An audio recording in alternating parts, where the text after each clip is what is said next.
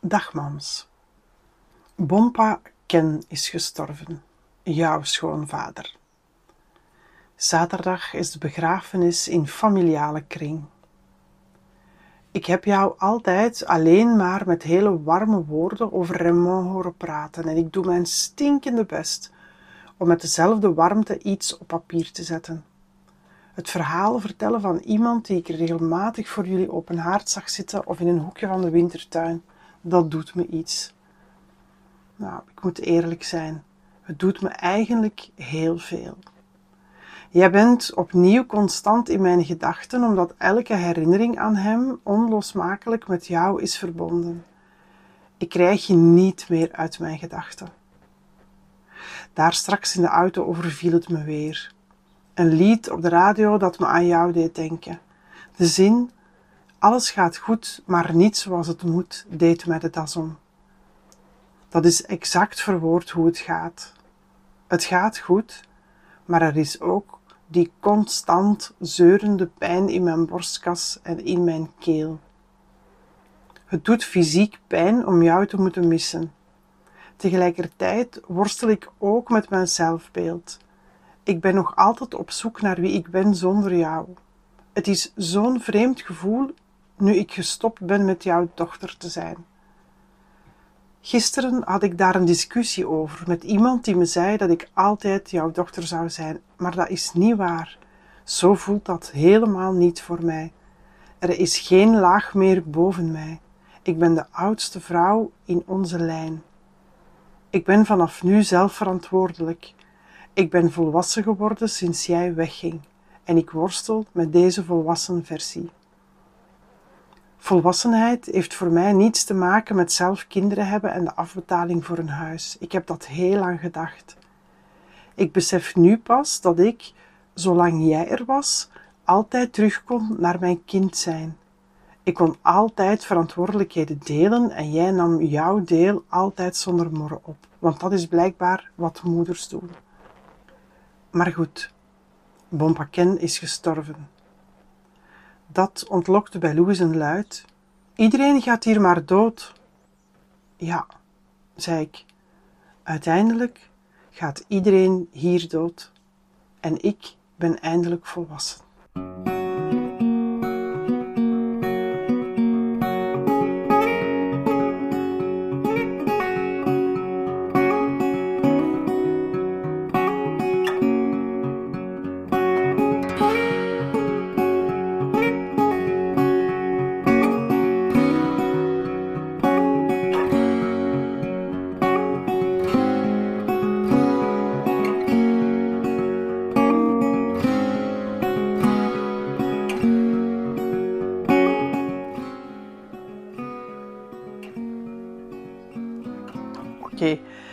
Ik weet jullie, niet of dat jullie dat geronk horen, maar ik heb vandaag gezelschap in mijn pipowagen, um, wat eerder uitzonderlijk is.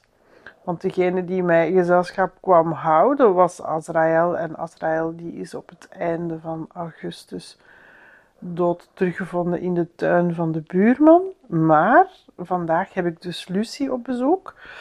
Um, Lucie is redelijk vocaal. Dus je zal haar af en toe ook wel eens een keertje horen miauwen en aandacht horen vragen. Uh, ik weet niet wat dat ze nodig heeft op dit moment. Ze is nogal super aanhankelijk. Maar we zullen dat wel zien along the way. Ik heb al drie keer geprobeerd van haar buiten te zetten, maar ze is drie keer terug naar binnen gekomen. Dus voilà. Het is vandaag een podcast met Lucie en Katrien.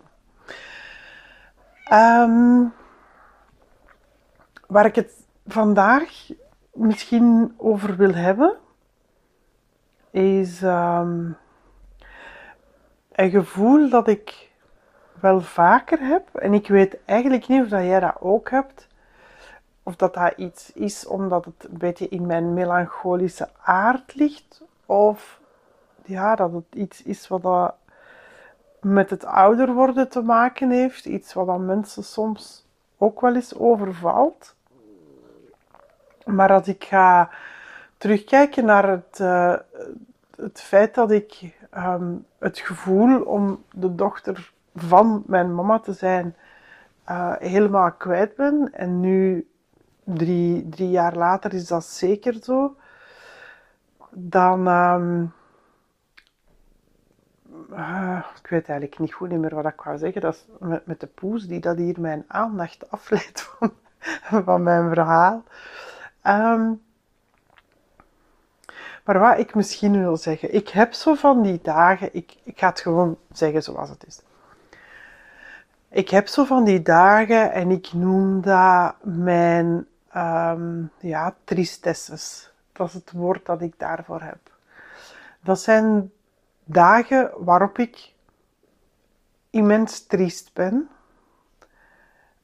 Zonder enige aanleiding. Dat is echt een gevoel dat mij overvalt. Waarvan ik s'morgens weet, het is weer zo'n dag. En het is niet dat het een. Er is geen aanleiding voor. Het is niet dat er dan dag voordien of de avond daarvoor iets gebeurd is, maar ik sta gewoon s'morgens op en ik heb een tristesse die ik niet kan verklaren. Die niet. En die heel diep gaat. Die niet te te controleren is, die niet te beheersen is, waar ik niet van kan zeggen, hier ga ik nu eens ehm, overheen stappen. En ik, ik ben sowieso iemand die redelijk toekomstgericht is, maar ik ben ook heel melancholisch en nostalgisch van aard. Um, ik kijk vaak terug naar het verleden. Ik kan echt door, door de stad Antwerpen lopen en, en ja, super geëmotioneerd, met tranen in mijn ogen, door de stad lopen zoals ik ze zag toen ik jong was en niet zoals ze er nu uitziet. Um, de paar keer dat ik zo met Louis eens naar Antwerpen ga, dan hij vertelde mij dat onlangs, dan zegt hij ook van mama, jij vertelt constant wat er dan vroeger was en en hoe toen dat jij nog in de stad woonde, hoe de stad er toen uitzag en wat er allemaal veranderd is. En pas op, heel veel van die veranderingen die zijn echt wel ehm, een verbetering. Hè? Als je in Antwerpen naar de suikerui gaat nu, die helemaal autovrij is, dat eigenlijk is dat één heel groot plein geworden dat in verbinding staat met de grote markt. En al die straatjes zijn daar autovrij ja, dat is, dat is fantastisch om daar ook als Antwerpenaar nu rond te lopen. En om niet meer constant gestoord te worden door gemotoriseerd verkeer. Hè. Dus ik ben helemaal voor, maar mijn nostalgie gaat dan veel meer naar de periode dat de suikerui en de grote markt, dat dat echt nog een feestbuurt was. Hè. Dat daar nog dansclubs waren en dat we op maandagavond nog uh, verzamelde met de volledige Antwerpse jeugd voor de Bijaard. Om naar het Bijaardconcert te gaan. Dat bestaat nu niet meer. De Bijaardconcerten zijn er nog wel. Maar die zomerse uitgangsavonden die daar dan aan verbonden waren, die zijn er niet meer. Het is dat soort nostalgie dat ik heb. Maar ik heb dat en als mij zo'n dag overkomt, dan ehm, moet ik die, of kan ik die alleen maar doorstaan. En uh, doordat ik vorige week had verteld over Bali en hoe dat geweest was om zo hals over kop terug te komen en eigenlijk niet te weten of dat. Ehm, mijn mama nog zou leven als ik zou landen, heb ik daar toch wel wat meer last van gehad. Dat heeft mij toch echt wel aan het denken gezet. En als ik dan de brief las van deze week, als ik die vanmorgen las, um, en ik, ik las het stukje over geen dochter meer zijn, dan denk ik dat ik um, het gevoel daar naartoe kan brengen. Dat dat de reden is dat het misschien wat meer was of zo. Ik weet het niet. Maar ehm, het is wel een gevoel dat ik mis om de dochter van te zijn. Ik mis het wel om geen gedeelde verantwoordelijkheid meer te hebben. Voor mezelf dan, hè? Of om de verantwoordelijkheid die ik voor mezelf voel niet meer te kunnen delen. Ik het misschien eerder zo omschrijven. Ik mis het om niet meer iemand boven mij te hebben die um, mij kent. Ik heb natuurlijk mijn vader nog wel, dus ik mag dat eigenlijk op deze manier niet, niet zeggen.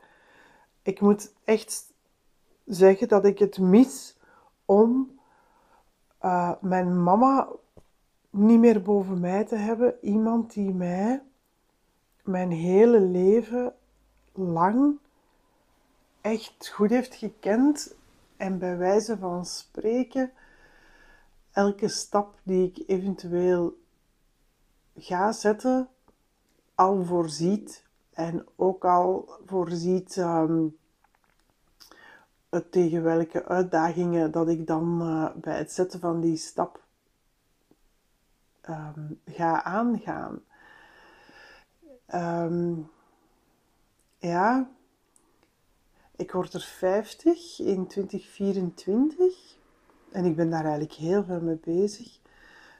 En dat is super onnozel, want ik vind dat helemaal niet erg om 50 te worden, maar ik ben nu al wel bezig met het idee dat ik er waarschijnlijk geen 90 ga worden en dat ik nog zoveel van de wereld ga missen. Ik weet niet of dat, dat iets is waar dat andere mensen ook mee bezig zijn. Of dat dat weer zoiets is dat alleen in mijn, mijn wereld en in mijn hoofd bestaat. ik weet het eigenlijk niet. Um, en met het wegvallen van mensen, zoals in de brief van deze week, het wegvallen van Bonpaquin, de vader van Rudy,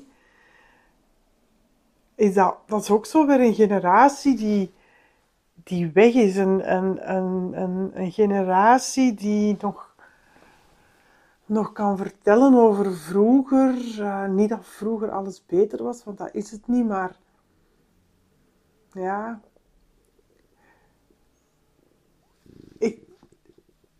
ja, het is, het is echt zo een verlies. Hè?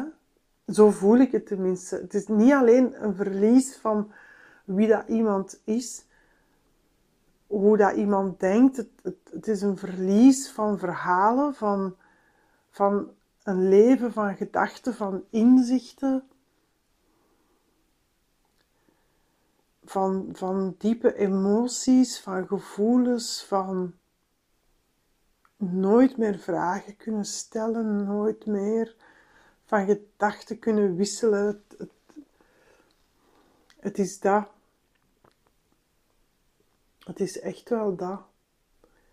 En ja, bon. Um, mijn dagen van tristesse dus. Um,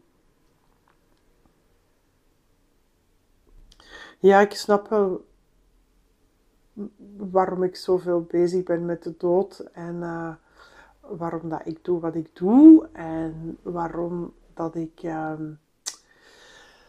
ja, toch wel heel graag die afscheidsceremonies doe en, en alles wat dat in mijn hoofd zit van toekomstige projecten die ik nog heb, dat die toch wel heel vaak te maken hebben met uh, het nostalgische aspect van een plaats of een persoon. Maar goed, ik weet niet, um, moest jij moest jij ook zo uh, die melancholische aard delen of, of, of uh, zo van die trieste dagen kennen, dan zou ik zeggen, laat mij dat zeker weten, dat ik weet dat ik daar niet alleen in ben. Ik weet niet, dat zou mij op een of andere manier blij maken, denk ik. Om te weten dat dat iets is wat dat herkenbaar is. voilà. Ja, bon. Uh, normaal gezien, als ik zo'n podcast inspreek, dan weet ik redelijk goed wat ik gezegd heb. Nu weet ik dat niet meer. Dus um, dat wil zeggen dat ik echt wel vanuit iets vanuit de, flow heb gesproken. Dus ik hoop dat het een beetje een samenhangend verhaal was. Uh, moest het dan niet zo zijn, dan luisterde maar twee of drie keer totdat je er wat structuur in ontdekt. De, maar dat was het voor deze week. Dus uh, ik zou zeggen tot volgende week. Hopelijk is het dan iets uh, gestructureerder in mijn hoofd. Dan heb ik het gevoel dat ik iets zinniger heb verteld. Bye bye. Thank you.